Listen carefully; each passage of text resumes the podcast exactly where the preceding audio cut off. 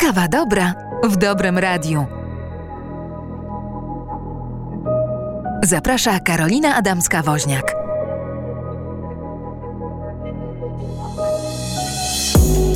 Witam Państwa bardzo serdecznie w kolejnej kawie dobra w dobrym radiu, a jako, że to kawa dobra, to rozmawiamy o dobrych rzeczach, wartościowych rzeczach, o zmienianiu świata na lepsze, o wrażliwości i uważności w naszym, naszej codziennej gonitwie i pędzie.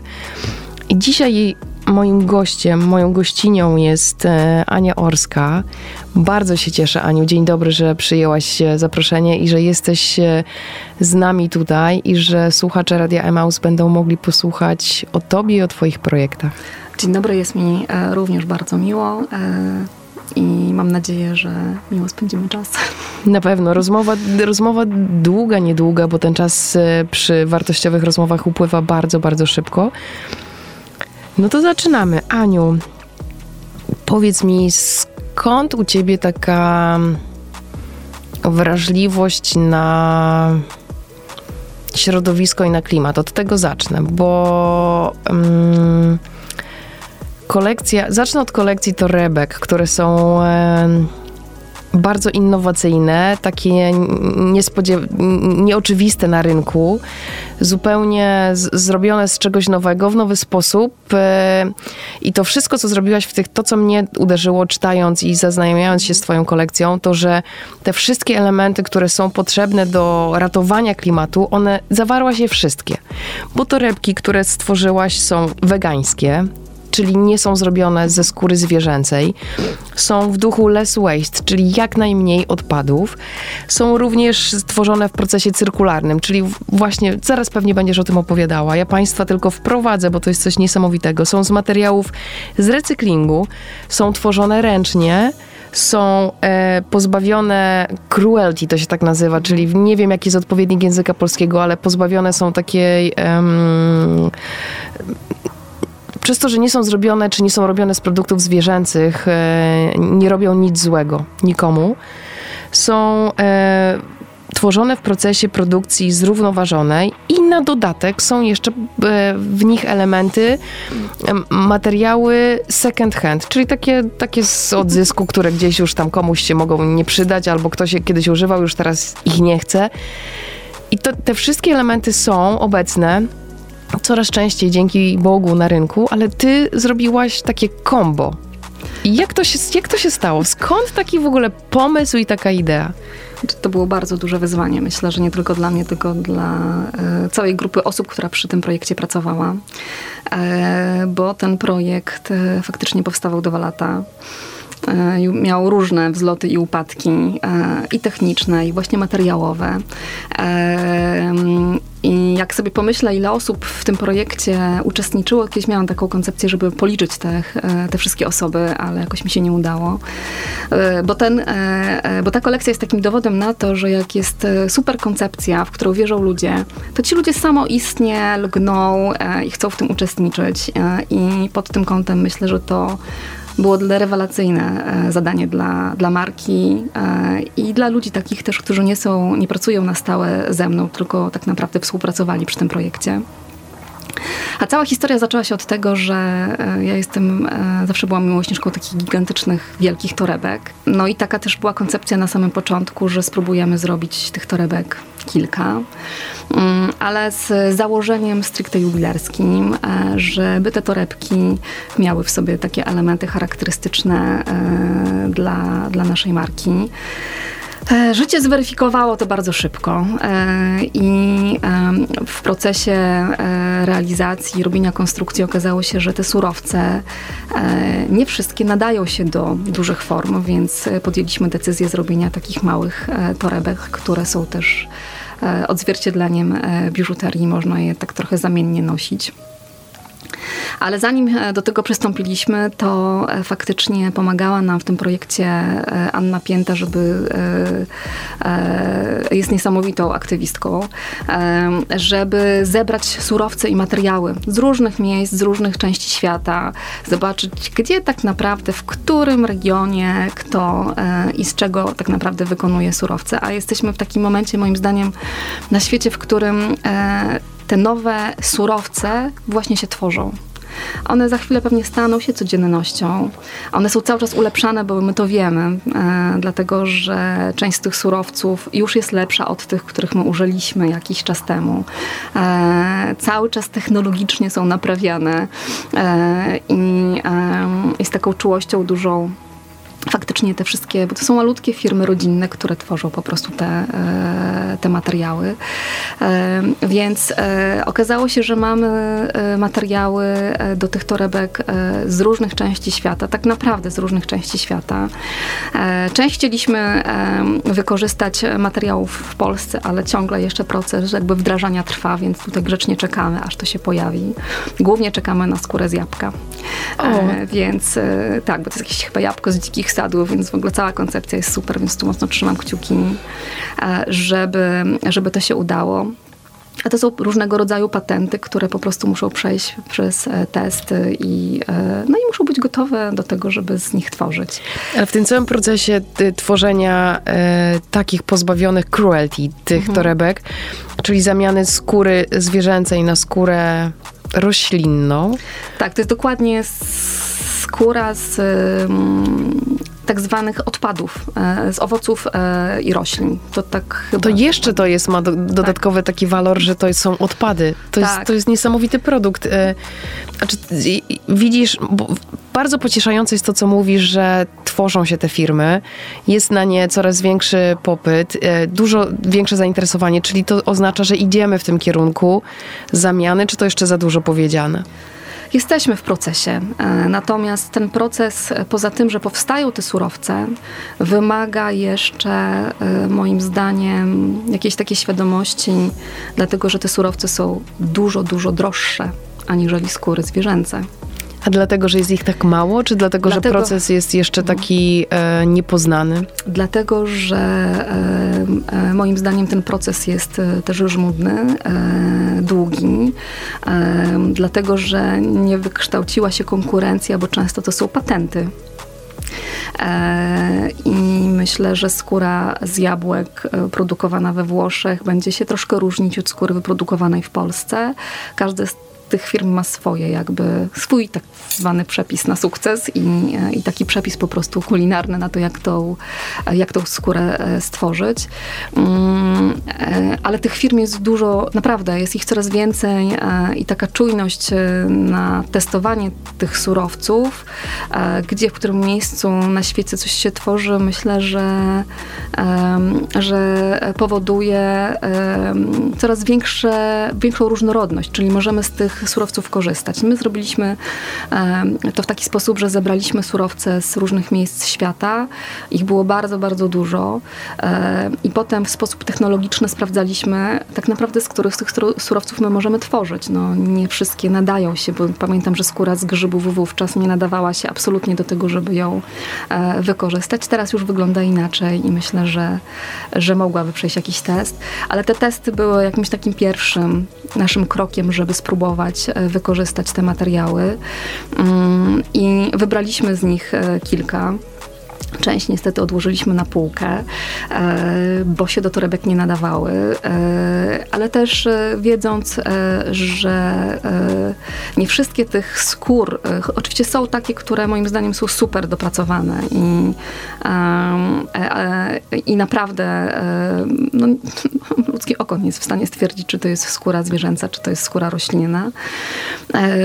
To też są takie, które z pełną świadomością i premedytacją wdrożyliśmy do marki bo jest to na przykład liść z alokazji, który jest po prostu wielkim, ogromnym liściem, e, woskowanym, e, jakimś woskiem pszczelim, warstwowo.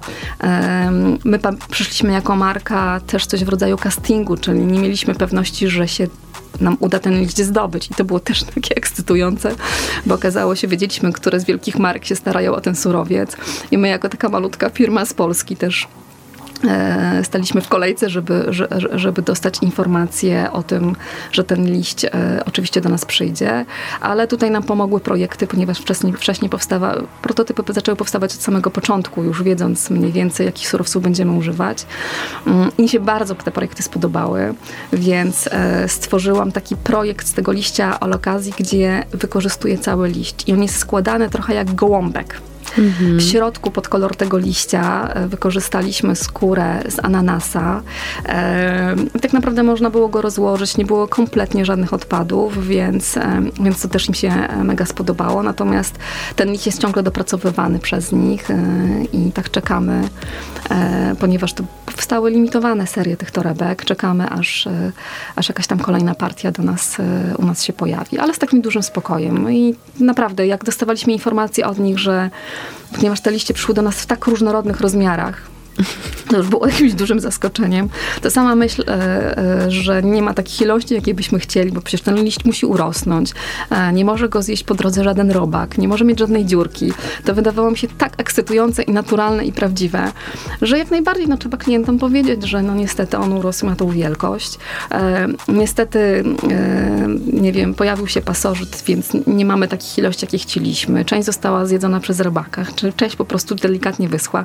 No to jest taka ilość, która była możliwa i to jest moim zdaniem Ale jakie to jest za. piękne, to jak opowiadasz, to jest niesamowite, prawda, że nie ma czegoś takiego w procesie, tak jak nam się wydaje, że na belkach jest materiał i ktoś to stworzył i tam nie ma błędu żadnego, ewentualnie jak jest, to zaraz poprawią i przyjedzie kolejna belka, kolejna belka w rozmiarze, w jakim zamawiasz, bo belki z materiałami są w określonych rozmiarach tutaj ta nieprzewidywalność z mojego punktu widzenia, jak o tym opowiadasz, jest tak cudowna, jest jak film niemalże że, że przyjeżdża coś, co zostało stworzone przez naturę i, i z tą naturą obcuje i jest takie, bo takie stworzyła natura. Cudowne. Akurat w przypadku liścia alokazji dokładnie tak jest. Te liście przyszło. Ja pamiętam, jak je rozłożyłam w pracowni I tak się przyglądałam tym liściom i każdy miał inny kształt, więc mogę to już było jakieś wyzwanie, że trzeba było je tak składać, e, e, składać umiejętnie, żeby, żeby tak naprawdę każdy trzeba było zrobić indywidualnie. On miał też, ponieważ to wyszedł nam z tego taki cudowny trójkąt, miał wsuwany na dole takie żądło, które blokowało dziurkę, gdzie były, wystawała łodyga. To była taka zawleczka, którą można też było nosić jako naszyjnik na szyi. No było, to sobie, tak się śmieliśmy po drodze, że to jest taki projekt, w którym jest trochę taką zabawką dla dorosłych, że można sobie, sobie ten, e, tą torbę nosić na wiele sposobów. E, ale myślę, że też na tym to polega i to projektowanie takie, e, takie właśnie czujne, uważne. No też się z tym wiąże. Te rzeczy unikatowe, bo każda z tych torebek ma swój numer nadany. I nadajemy te numery. E, czyli one mają swoje certyfikaty. Zresztą cała ta linia torebek e, ma certyfikat PETA. Udało nam się go zdobyć e, i też byliśmy z tego bardzo dumni po kolei, wymieniając po prostu elementy składowe tych torebek. E, więc e, powstały certyfikaty, każdy klient wie dokładnie, jaka skóra jest użyta w każdym wzorze. No i też e, jeśli chodzi o elementy metalowe, część z nich jest przetwarzana z naszych metali. My mamy takie cudowne pod stołami fartuchy jubilerskie i wszystkie drobiażdżki, które nam tam spadają, są drugi raz odlewane, co jest dużo trudniejsze niż korzystanie z jakichś gotowych granulatów, ale część część metali tak została też wykorzystana. Cudowne. Co też sprawia, że te, też trzeba mieć tego świadomość, że te rzeczy e, nie są idealne. One właśnie z założenia są też takie, że nie, wszystkie nie cała kolorystyka jest taka super rewelacyjna, jednolita. No Ale może o to chodzi. To jest... Tak, jakby założenie też jest takie, no żeby właśnie. sobie z tego zdawać sprawę. Więc... Że w tym jest piękno. To jest trochę tak, jak opowiadasz, to przypomniało mi się, jak rozmawiałam z też cudowną kobietą z Banku Żywności, która mówiła, że wybierajmy te jabłka z półek, które nie są takie idealne. I mają są... piegi na przykład. Mają piegi, są gdzieś od, odduszone, nie są idealnie okrągłe. No bo taka jest natura, więc wybierajmy te rzeczy. One są równo, równie wartościowe, pewnie nawet bardziej. I to jest trochę tak, jak ty mówisz teraz, że też mm. jakby, jakby powielasz to i to jest, to jest piękne, że może nauczmy się tego świata, że on jest różnorodny inny, nie odlany wedle jednego wzorca bo i to jest piękne i wartościowe. Ale odnośnie tych historii, którą teraz e, przetoczyłaś, właśnie mieliśmy taki przypadek, że e, e, wysyłaliśmy chyba klientce tą torebkę z liścia alokazji i klientka nam zrobiła zdjęcie i właśnie napisała, że tutaj jest taki, taka skaza. I okazało się, że jest taki piek, który, który jest wypalany przez słońce na liściu. No tak. Musieliśmy napisać właśnie, że to jest naturalne liście. Naprawdę? Wszystkim się wydawało, że to jest taka koncepcja i inspiracja, ale to no, trzeba też tłumaczyć i cały czas edukować. I, I może to nie skaza, tylko to um, znak piękności. Nie, to tak mi się wydaje, że świadomość tego, że natura e, nie jest powtarzalna i, e, i każdy z tych liści był inny, e, jest tylko i wyłącznie plusem. Skąd w tobie, Aniu, taka chęć e, robienia takich rzeczy? No bo pewnie łatwiej byłoby zamówić skórę zwierzęcą, E, nie ma problemu, że jest w innym rozmiarze, robisz torebkę wedle jednego wzorca, jest to szybsze, pewnie tańsze i, i zysk większy, a tutaj mówisz, że cały ten proces to były dwa lata pracy, poszukiwań, wycinania nowych ścieżek, otwierania drzwi, które w życiu nie były otwarte, o których nawet nie miałaś świadomości, że one tam istnieją. Oczywiście, więc... bo ja nie robiłam torebek nigdy. Otóż to i takich tym bardziej, więc e, skąd taki pomysł i, i, i dla, dlaczego coś takiego? Ja biżuterię projektuję już tam ponad 20 lat. E, I tak sobie staram e, układać swoją pracę, e, żeby robiąc te kolekcje, odkrywać nowe przygody i poznawać też ludzi i trochę czerpać energię i pasję też z innych. To mi daje ogromne pole do rozwoju e, i bardzo to też cenię. Więc e, e, wydaje mi się, że to jest jakiś taki spryt we mnie, że, że sobie szukam takich koncepcji. To myślę, że jest jedna rzecz, taka prowadząc firmę, ponieważ już jest w marce nas dość dużo, że człowiek szuka sobie takiej motywacji i takiego sposobu na rozwój, który jest mu bliski. I między innymi moim zdaniem e, to polega na tym, że jak powstaje kolekcja, to właśnie ona ma jakąś swoją inspirację, z czegoś to wynika. E, ona jest taką moją niezależną przygodą, w której potem towarzyszą mi ludzie. Mm, I, e, I, jeśli się da, to tych ludzi się do tej przygody zaprasza, jeśli mają na to ochotę. I to jest taki moim zdaniem rewelacyjny sposób na, e, na poszerzanie jakby e, swoich możliwości. A druga rzecz to jest też taka zgoda moja e, z tym, co się dzieje na świecie, żeby, żeby w obrębie swoich możliwości, tego co robimy, nawet gdyby to było naprawdę bardzo mała i drobna rzecz, jednak myśleć o tym świecie w taki pozytywny sposób i zacząć o niego dbać. Mm, ja się wychowałam nad morzem, nie jestem z Poznania e, i mam e, tak zaszczepione e, naprawdę na maksa taką dbałość o naturę. Ja jestem takim dzieciakiem, który jeździł i spał pod namiotami z rodzicami, więc, więc jest mi to bardzo, bardzo bliskie, więc myślę sobie, że niech każdy z nas nie zbawia świata od razu, bo to jest niemożliwe w dzisiejszych czasach, ale gdzieś w obrębie swoich możliwości e, próbuje się przyjrzeć tym swoim przyzwyczajeniom, a być może temu, co robi, czy może coś po prostu zrobić e, drobnego i myślę, że, że w jakiejś skali to będzie lepsze.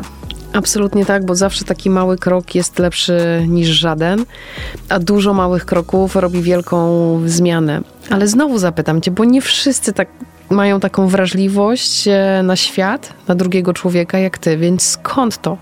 Próbuję dociec do tego źródła. Jak zachęcić ludzi do tego, jeśli tego w sobie nie mają i nie czują, żeby poszli w tym kierunku takiej uważności i o drugiego człowieka, i, i o świat, Skąd u ciebie to? To jest kwestia wychowania, to jest kwestia mm, spotykania jakichś ludzi na drodze? Co to jest? E, ja myślę, że to jest jakaś wrażliwość chyba wniesiona z domu, w której e, no właśnie nie cel jest ważny, tylko droga e, poza jakby samą taką koncepcją, ponieważ ja pamiętam, jak myślałam o marce i w ogóle otwierałam firmę i byłam przerażona. To było tam 10 czy tam 12 lat temu, to nie była łatwa decyzja, ponieważ ja miałam dość fajną pracę, z której byłam bardzo zadowolona i dawała mi ogrom satysfakcji. Natomiast e, już wtedy przyszło mi do głowy, że można by spróbować trochę inaczej i bardziej uważnie na to wszystko patrzeć. E, I, e, i dotarło do mnie, że jeśli mi się to uda, to ja już, ja, ja naprawdę otwierając firmę, podjęłam decyzję, że nie chodzi o to, żeby być coraz bogatszym, jakby finansowo, tylko wewnętrznie. Więc za każdym razem, jeśli tylko mamy taką możliwość, to, e, to przekazujemy środki. Głównie taki cel w marce nastawiony jest na naturę, czyli podjęliśmy tą decyzję, że wspieramy naturę. Wspieramy Tatrzański Park Narodowy. Wyprodukowaliśmy i zaprojektowałam taki piękny kwiatek, który rośnie u nas w Tatrach. Nazywa się Miłosna Górska. Jak pięknie. Jest, są to piny, e, i naprawdę można sobie je ładnie zestawiać. E, one są i męskie, i damskie. Myślę, że super wyglądają też u mężczyzn w klapie. E, I my jakby ze sprzedaży tego, tej miłosnej górskiej wspieramy Taczański Park Narodowy. E, wspieramy też Fundację Mare. Tutaj naprawdę całe serce jest też w tym, w tym miejscu, no z uwagi na moją miłość do Bałtyku bezgraniczną, ale też dlatego, że, że naprawdę uważam to miejsce za, za takie miejsce, o które e, priorytetowo trzeba zadbać. E, no i gdzie człowiek by się nie przekręcił i nie zobaczył, e, to też te osoby, które pracują w tych fundacjach, tych miejscach, ach, to są tacy ludzie, którzy po prostu oddaliby tam serce. I myślę, że to jakoś jest motywujące i, i też powoduje, że to są dobrzy ludzie na dobrych, w dobrych miejscach. No i to są właśnie takie malutkie kroki, więc e, e, gdzieś w marce to się przewija no stop. Wspieraliśmy też, adoptowaliśmy razem z klientami pszczoły, w, mm, jakby dzięki kolekcji APIS, e, wspólnie z Greenpeace'em. No robimy różne rzeczy, które gdzieś nam pomalutku otwierają przestrzenie i pokazują. Ale to daje tobie satysfakcję. No, Co to, no to... maksa. Tak, to jest ta satysfakcja, tak? tak, jak usłyszeliśmy, ja już nie pamiętam ile my adoptowaliśmy pszczół, to jakby wspólnie z klientami, no bo przecież nie samotnie. No to, no to, to jest taki, e, no to są takie projekty, które bardzo cieszą naprawdę cieszą, bo nagle się okazuje, że to dla ludzi ma znaczenie. Na samym początku, to było kilkanaście lat temu, e, mieliśmy też taki cudowny projekt. E, to był sam początek e, marki, kiedy uczestniczyliśmy, uczestniczyliśmy w takiej koncepcji, e, chodziło o transplantację serc. Ja e, faktycznie zrobiłam brązoletki, które sprzedawaliśmy, e, rozdawaliśmy i też uświadamialiśmy, bo teraz jest trochę inaczej, ale wtedy to nie było takie oczywiste, jak wygląda orzeczenie woli. Więc duża była też praca osób w sprzedaży, żeby tłumaczyły, z czym to się wiąże i na czym to polega. I do mnie dotarło dopiero wtedy, co my robimy, jak kiedyś zaproszono mnie na jakieś spotkanie, chyba wigilijne, już nie pamiętam, z osobami, które miały mm. które przeszły tą transplantację. Ja nie byłam z siebie, pamiętam wtedy w stanie wydobyć słowa i sobie myślałam, że to są takie drobne rzeczy. Ja wiadomo, że byłam jakimś jakimś malutkim mam punkcikiem, który, który wspierał, ale zobaczyłam też e, ludzi, którzy pomagają. Był tam jeden z właścicieli jakiejś firmy, który właśnie latał helikopterem, czyli pomagał transportować te serca. Nie no, w ogóle wydaje mi się, że w, jeśli chodzi o jakiś inny cel niż stricte biznesowy, to ludzie potrafią się moim zdaniem e, ze sobą e, super dogadać. No. no bo to jest, to jest o tym e, pomaganiu, byciu dobrym i myślę, że to jest takie coś, co e, nie potrafię znaleźć ostatnio lepszego słowa jak jaranie się takim dobrem. Nie wiem, jak to nazwać, żeby oddać to, co w tym dobru jest, że ono jest takie fajne. To jest pewnie to, co ty opowiadasz, że widzisz tego człowieka, masz poczucie, że nie zbawisz świata, ale właśnie ten jeden krok jednak zbawia świat, bo jak pomożesz jednemu człowiekowi, chociaż w fragmencie jego życia, to jest zbawianie jakiegoś świata. I myślę, że fajnie, dobrze to wybrzmiało tutaj, żebyśmy my wszyscy nie mieli takiego poczucia, że a co ja tam mogę? Ja nic nie mogę, więc nic nie robię.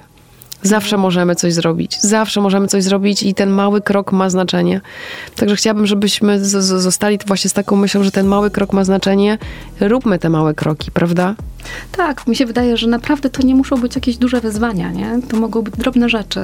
Y, ja sobie też co chwilę podnoszę poprzeczkę sama sobie, e, bo też przestałam mieć mięso. E, też muszę powiedzieć, ja kompletnie nie umiem gotować, więc musiałam się nauczyć gotować dla siebie. E, robię to doprawdy, naprawdę, no, tak dosłownie, bardzo nieudolnie, ale te, te wyzwania, które sobie stawiam, jakąś radość mi dają. Takie drobne rzeczy, nie? Jak mi się uda zrobić Łączę się z tobą super zupę, to tym. rewelacja, jestem tak szczęśliwa. Łączę się z tobą w tym, bo ja też staram się nie jeść mięsa i też nie potrafię gotować, więc cokolwiek tam wymieszam, e, co jest pozbawione mięsa i i, i zjada to ktoś e, również, nie tylko ja, to jest to wielka radość rzeczywiście, także wiem, wiem o czym mówisz, ale cieszy to, prawda? Cieszy, że jest ten obiad bez mięsa, bo to nie chodzi o ten obiad, tylko chodzi o tę dalszą perspektywę, że skoro ja nie zjem tego mięsa, to coś dla świata zrobię. Jest też coś takiego, że jak sobie człowiek uzmysłowi, w którym miejscu był e, tych ileś lat temu, e, jak te drobne zmiany nas kierują w zupełnie nową przestrzeń, e, to ja, jak sobie patrzę na tą mapę tak z góry, e, to gdzieś tam widzę dalszy cel tej swojej drogi, e, ale, ale naprawdę te decyzje powodują, że i ludzie, których się spotyka, i miejsca, do których człowiek dociera, e, są zupełnie nowe i one na pewno rozwijają. I jeszcze dają takie poczucie, że no właśnie, że to ma jakiś sens. To jak zachęciłabyś e, biznes, ten taki twardy biznes do tego, żeby mm, choć na moment, przez chwilę, w małym kroku, jakkolwiek, stał się dobry, czy zrobił coś dobrego. Jak, jak to, bo można połączyć biznes? Można. Ty jesteś osobą, która łączy biznes z działalnością niebiznesową, wspierającą, edukacyjną, e, zmieniającą świat na lepsze. Czyli jak, jak zachęciłabyś takiego twardego biznesmena, który patrzy na słupki finansowe i to jest dla niego e, najważniejsza rzecz, do tego, że może jednak warto spojrzeć też na coś innego? Ja myślę, że to jest bardzo trudne, bo też wierzę w to, jakby mając swój biznes, jak ważne są te słupki, żeby e, biznes szedł do przodu. Bo jeśli nie będzie szedł, to się okaże, że ludzie przestaną mieć pracę, więc to wszystko są naczynia połączone.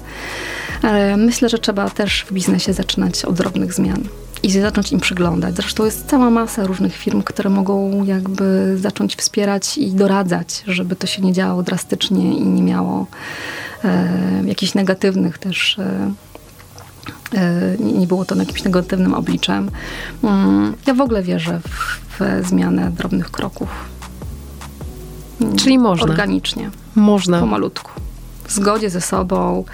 E, żeby takie zmiany wprowadzać, trzeba też w nie wierzyć. I od jeśli ta wiara jest e, nawet w tym twardym biznesie, to małymi krokami moim zdaniem warto. Jeśli jej nie ma, to nie zabrniemy do żadnego sensownego miejsca. Szkoda na to, to w co trzeba wierzyć? E, moim zdaniem w dobro. W, wierzyć też w to, że naprawdę o ten świat trzeba zadbać. E, mieć uważność na ludzi, szczególnie w dzisiejszych czasach, bo jesteśmy w procesie dużej zmiany i myślę, że ludzie potrzebują bezpieczeństwa. E, I trzeba, trzeba o to zadbać. Bo ja tak myślę, że warto często zamieniać albo na i. Czyli można, e, można mieć i biznes i wyniki finansowe i robić dobro przy okazji, że jedno drugiego nie musi wykluczać. Może to jest ten strach taki w tym twardym biznesie, gdzie tak jak mówisz, słupki mają znaczenie, one są ważne.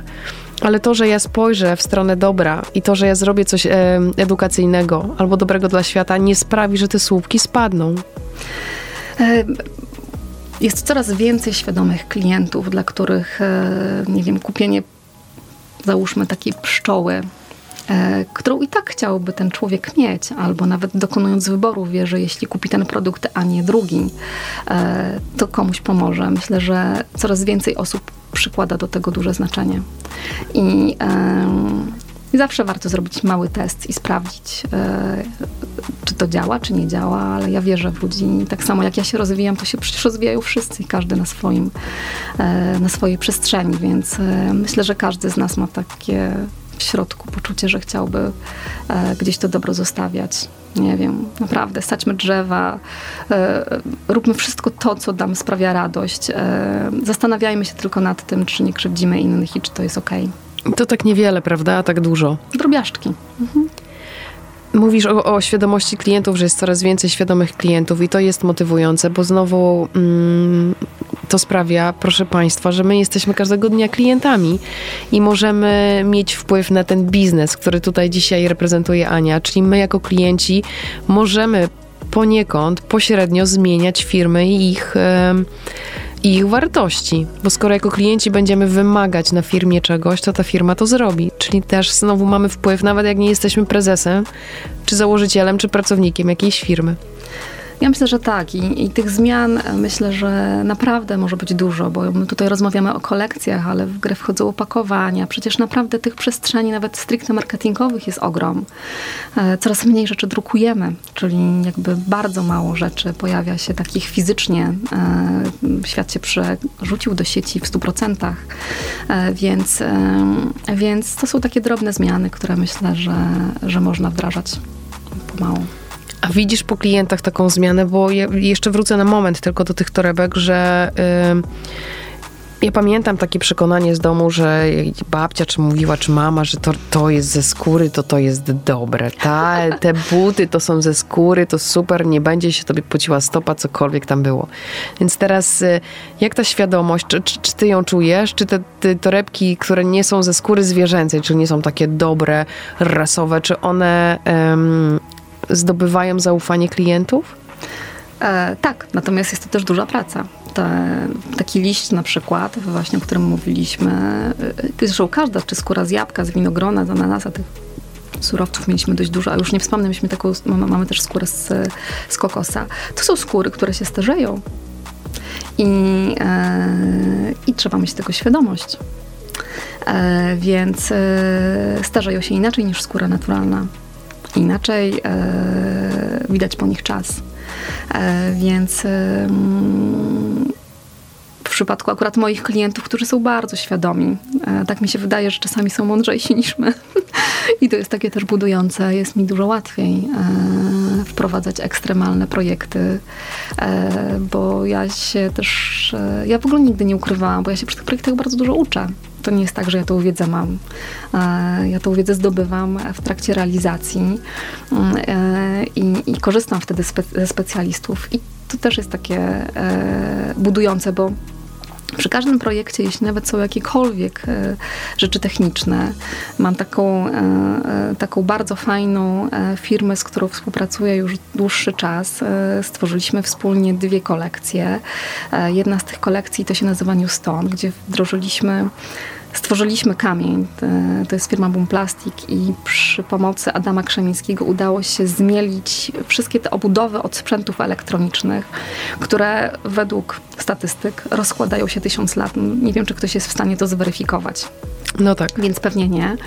E, one zostały zmielone razem z opiłkami z fartuchów jubilerskich i powstał taki piękny, czarny, skrystalizowany przez te opiłki kamień. E, e, e, z którego powstała kolekcja.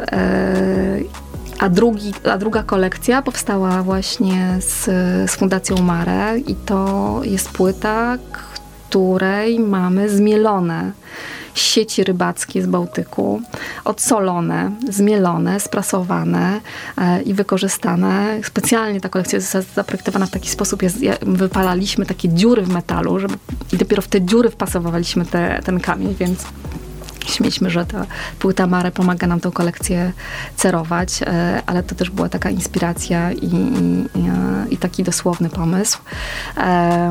I e, Olga Sarna, która jest e, zresztą prezeską Fundacji Mare, robi przeróżne projekty, dzięki którym udaje jej się wyciągać charytatywnie, naprawdę z ludźmi, z płetwonurkami te sieci z tego Bałtyku. Nagle się potem okazało, że ona ma je gdzieś rozsiane wzdłuż wybrzeża wybrzeża i, e, e, i z, jakby one no tam są, no zostały wyjęte i nie wiadomo, co z nimi zrobić, więc, więc im więcej takich projektów, tym, e, tym pewnie lepiej. No to jest niesamowite, Ania. Naprawdę, jak ty opowiadasz, ja, moje serce rośnie i ja mogłabym ciebie tak słuchać, że wykorzystywane są rzeczy, które już są i które są nikomu niepotrzebne i szkodzą i ty, ty robisz z nich, dajesz im nowe życie i tak, tak sobie myślę, że mieć taką biżuterię z kolekcji właśnie tej, o której mówisz, Baltika. Tak która i świadomość tego, że to jest wykonane z elementu, które kiedyś ktoś używał do łowienia ryb, które zostało porzucone na dnie Bałtyku. Ktoś to wyjął, wyciągnął, nie, przestało być odpadem i śmieciem i czymś, co zagraża e, życiu naszemu też. I nagle jest czymś pięknym na naszym, nie wiem, uchu, szyi, palcu. No, ja się wzruszam. W ogóle w tej kolekcji myślę, że jest e, taka, no, ja w ogóle bardzo ją lubię, dlatego że ja wykorzystałam bursztyn, e, który ma, tak się szacuje, w okolicach 46-5 milionów lat, nasz. I wykorzystałam tą płytę, która leży na, tych, w tym, na, tych, na tym dnie tego Bałtyku i go zanieczyszcza. I tak naprawdę no, no, niszczy ekosystem, no bo tego się nie da inaczej chyba sformułować. Ale połączenie tych dwóch światów, tego takiego, jakby obydwa surowce są z Bałtyku, jakby bezwzględnie. Obydwa tam leżą, więc e, e, połączenie tych dwóch światów i pokazanie tego, że coś stworzyła natura, bo przecież bursztyn jest z żywicy, z drzewa. Powstał w czasach, kiedy jeszcze nie było tego morza. E, nie było, po prostu były tereny, w których były lasy, one się przemieściły i, ten, i ta sieć, którą stworzyliśmy stosunkowo przecież niedawno w kontekście tego Bałtyku, to są, to jest takie zderzenie dwóch światów. Tej natury, która powstaje i tego, jak dużo rzeczy my tworzymy jako, jako ludzkość. W tej kolekcji na przykład Newston e, specjalnie stworzyliśmy taką pieczęć lakową, która jest dopinana i nazwaliśmy, że to jest e, made by homo sapiens, czyli po prostu kamień stworzony przez człowieka, no bo to jest w 100% prawda. Niesamowite to jest, naprawdę, że, że, że wiesz, tak jak ciebie słucham, tak myślę, że potrzebna do tego wszystkiego jest uważność twoja, żeby coś takiego stworzyć, ale też uważność klientów i takie na moment zatrzymanie się, że jak wkładam ten pierścionek, tak sobie pomyślałam o pierścionku, jak wkładam, to myślę, co, co on prezentuje, co on reprezentuje, co on w sobie ma, jaką on w sobie ma energię. Też jest tak chyba, że pomimo czasów e, współczesnych e, jednak ta biżuteria super jak ma jakieś znaczenie. E, To są takie współczesne amulety, każdy przypisuje im moim zdaniem swoją wagę, ale inaczej się chyba tą biżuterię teraz nosi niż kiedyś. Za chwilę będziemy wprowadzać też taką kolekcję w marcu, która jest dla mnie stricte plemienna i tak też ją nazywam. Też ją też tworzyliśmy ją bardzo, bardzo długo. Ale właśnie sobie myślę, że nawet jak ja noszę biżuterię, to e, jest dla mnie ważne, z czego ona powstała, e, czy się w niej dobrze czuję, e, kto przy tym pracował, czy ona coś jeszcze poza tym, że ładnie w tym wyglądam, jeszcze coś niesie. I myślę, że ta świadomość nasza bardzo rośnie i, i coraz więcej osób pyta. Więc dla mnie te kolekcje też muszą być naprawdę jakąś zarąbistą przygodą, więc ja sobie te przestrzenie e, tak organizuję i te koncepcje na kolekcje tak staram się e, tworzyć, e, żeby one były dla mnie za każdym razem dużym rozwojem i czymś w rodzaju egzotycznej przygody. Ale też tej uważności, właśnie na, na drugiego człowieka. Ja czuję w tym taką wielką uważność na drugiego człowieka i na to, co, co nas, nas otacza, wykorzystywanie tego, co nas otacza, nie tworzenie czegoś na nowo, tylko czerpanie z tego, co już jest. Bo przecież masz w swoich kolekcjach, ja wyczytałam na stronie, że, że jakaś tysiącletnia, dem, de, tysiącletnie drewno dębowe z grodu mieszka e, pierwszego jest. Są części samochodów i komputerów. Są mechanizmy przedwojennych zegarków, są stare liny żeglarskie, czy nawet fragmenty meteorytów. No jaką to trzeba mieć uważność i wrażliwość na ten świat, który jest wokół nas, żeby stworzyć z tego no, biżuterię. To jest taki no, wielki artyzm, myślę. Jak, jak to się dzieje? No i skąd u ciebie taka, takie piękne patrzenie na świat? Znaczy ja myślę, że to jest jakaś uważność, która potem już wchodzi jako taki jakiś standard. To y, trzeba też wziąć pod uwagę, że ja przez wiele, wiele lat, dokładnie chyba 16, projektowałam biżuterię klasyczną. A więc moja chęć do robienia e, trochę innej biżuterii e, niż wcześniej jest, e, ja mam na to bardzo duży apetyt. Poza tym upcyclingiem, o którym wspomniałaś, jeszcze mam taki cudowny projekt, który na chwilę został zawieszony, ale tylko na drobną chwilę, że szukam rzemiosł, które wymierają na świecie I sobie jeżdżę w ten świat e, i mieszkam w tych miejscach e, przeróżnych, bo w ten sposób e, tworzyłam już kolekcje w Indiach, w Nepalu, w Meksyku, w Peru, w Wietnamie. Jest tych miejsc bardzo, bardzo dużo. I i to na pewno też mnie bardzo rozwija, bo pokazuje inną kulturę, inny sposób życia, inne priorytety w tych miejscach, bo często są to takie miejsca, do których e, e, nigdy bym nie pojechała jako turysta. Tam się nie ma gdzie zatrzymać. Tam bardzo często społeczności organizują mi swoje mie jakieś miejsce, gdzie mogę się zatrzymać. Ja mam zawsze bilet w jedną i w drugą stronę, wyjeżdżam na miesiąc i się tam uczę. Powstają tam prototypy, tak zwane komponenty do biżuterii. Uczę się tych rzemiosł takich naprawdę z dziada pradziada. Mamy w tej chwili w, akurat w butikach kolekcję um, taką malutką linię z Wietnamu. Um, no, samo robienie um, tych komponentów jest e, bardzo pracochłonne, bo wycina się ornamenty z masy perłowej. E, to są akurat ornamenty roślinne. E, I się je lakuje. Samo lakowanie polega na tym, że się nakłada e, w okolicach kilkunastu warstw. To wszystko musi wyschnąć. Nie tak zwanymi przyspieszaczami, suszarkami, tylko pod słońcem naszym, naturalnym. I też uczy pokory, więc ja uwielbiam te, te przygody, bo, e, bo myślę, że się bardzo też uczę o świecie i o ludziach, więc e, tęsknię trochę za tym. I znowu ta uważność, i znowu ta wybija taka uważność na drugiego człowieka, chęć poznania drugiego człowieka, zobaczenie, że to, co on robi, robi inaczej niż ja, jest wartością, czyli ta inność e, jest wartością nie przeszkodą. Jeszcze jest coś takiego, że ta wartość, e, początki były takie, że myślałam, że się będę uczyć tych rzemiosł i będę realizować te rzeczy w Polsce, ale to jest jak z piciem dobrego wina we Włoszech na przykład. E, że to wino trochę inaczej smakuje e, w tej temperaturze, przy tym świetle, pod tym słońcem, niż na przykład właśnie w ciepłych krajach, że mm, ja mam taką koncepcję, oczywiście realizujemy tam prototypy, ja na bazie tych prototypów składam zamówienie, ale nigdy tych rzeczy nie realizuję samotnie, pomimo tego, że wiem, jak one powstały w Polsce, tylko korzystam z rzemiosł i umiejętności ludzi, z którymi tam mieszkam, więc też dostaję Czyli pracę. wspierasz. Tak, jest to dla mnie bardzo, bardzo ważne. Ja mam dużą wiarę. Nikt mnie nigdy nie oszukał, ponieważ ja w dużej części muszę przelać zaliczkę na realizację zlecenia, a na przykład są to 4000 e, metrów nad poziomem morza w Peru, e, więc e, jest to duża wiara w ludzi, ale ci ludzie też mnie wcześniej poznają, więc myślę, że ta więź, zresztą z każdym z tych warsztatów utrzymuję cały czas kontakt. I, i to są ważne miejsca dla mnie. E, myślę, że to są też takie miejsca, to dotarło do mnie po którejś podróży, że to nie jest tylko tak, że ja tam przyjeżdżam, się czegoś uczę. Ja zostawiam też cząstkę siebie. W Meksyku, jak mieszkałam w takim małej, wsi, e, San Martín de Cajete, e, która specjalizowała się, cała wieś specjalizowała się w rzeźbie z kopalowego drewna które było malowane w takie mm, piękne, mistyczne, zapoteckie wzory to e, oni nigdy nie robili przedmiotów codziennego użytku.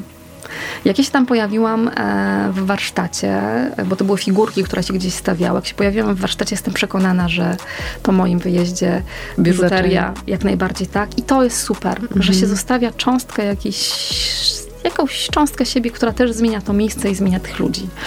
E, więc każdy z tego e, korzysta. Myślę, że to jest taka transakcja wiązana.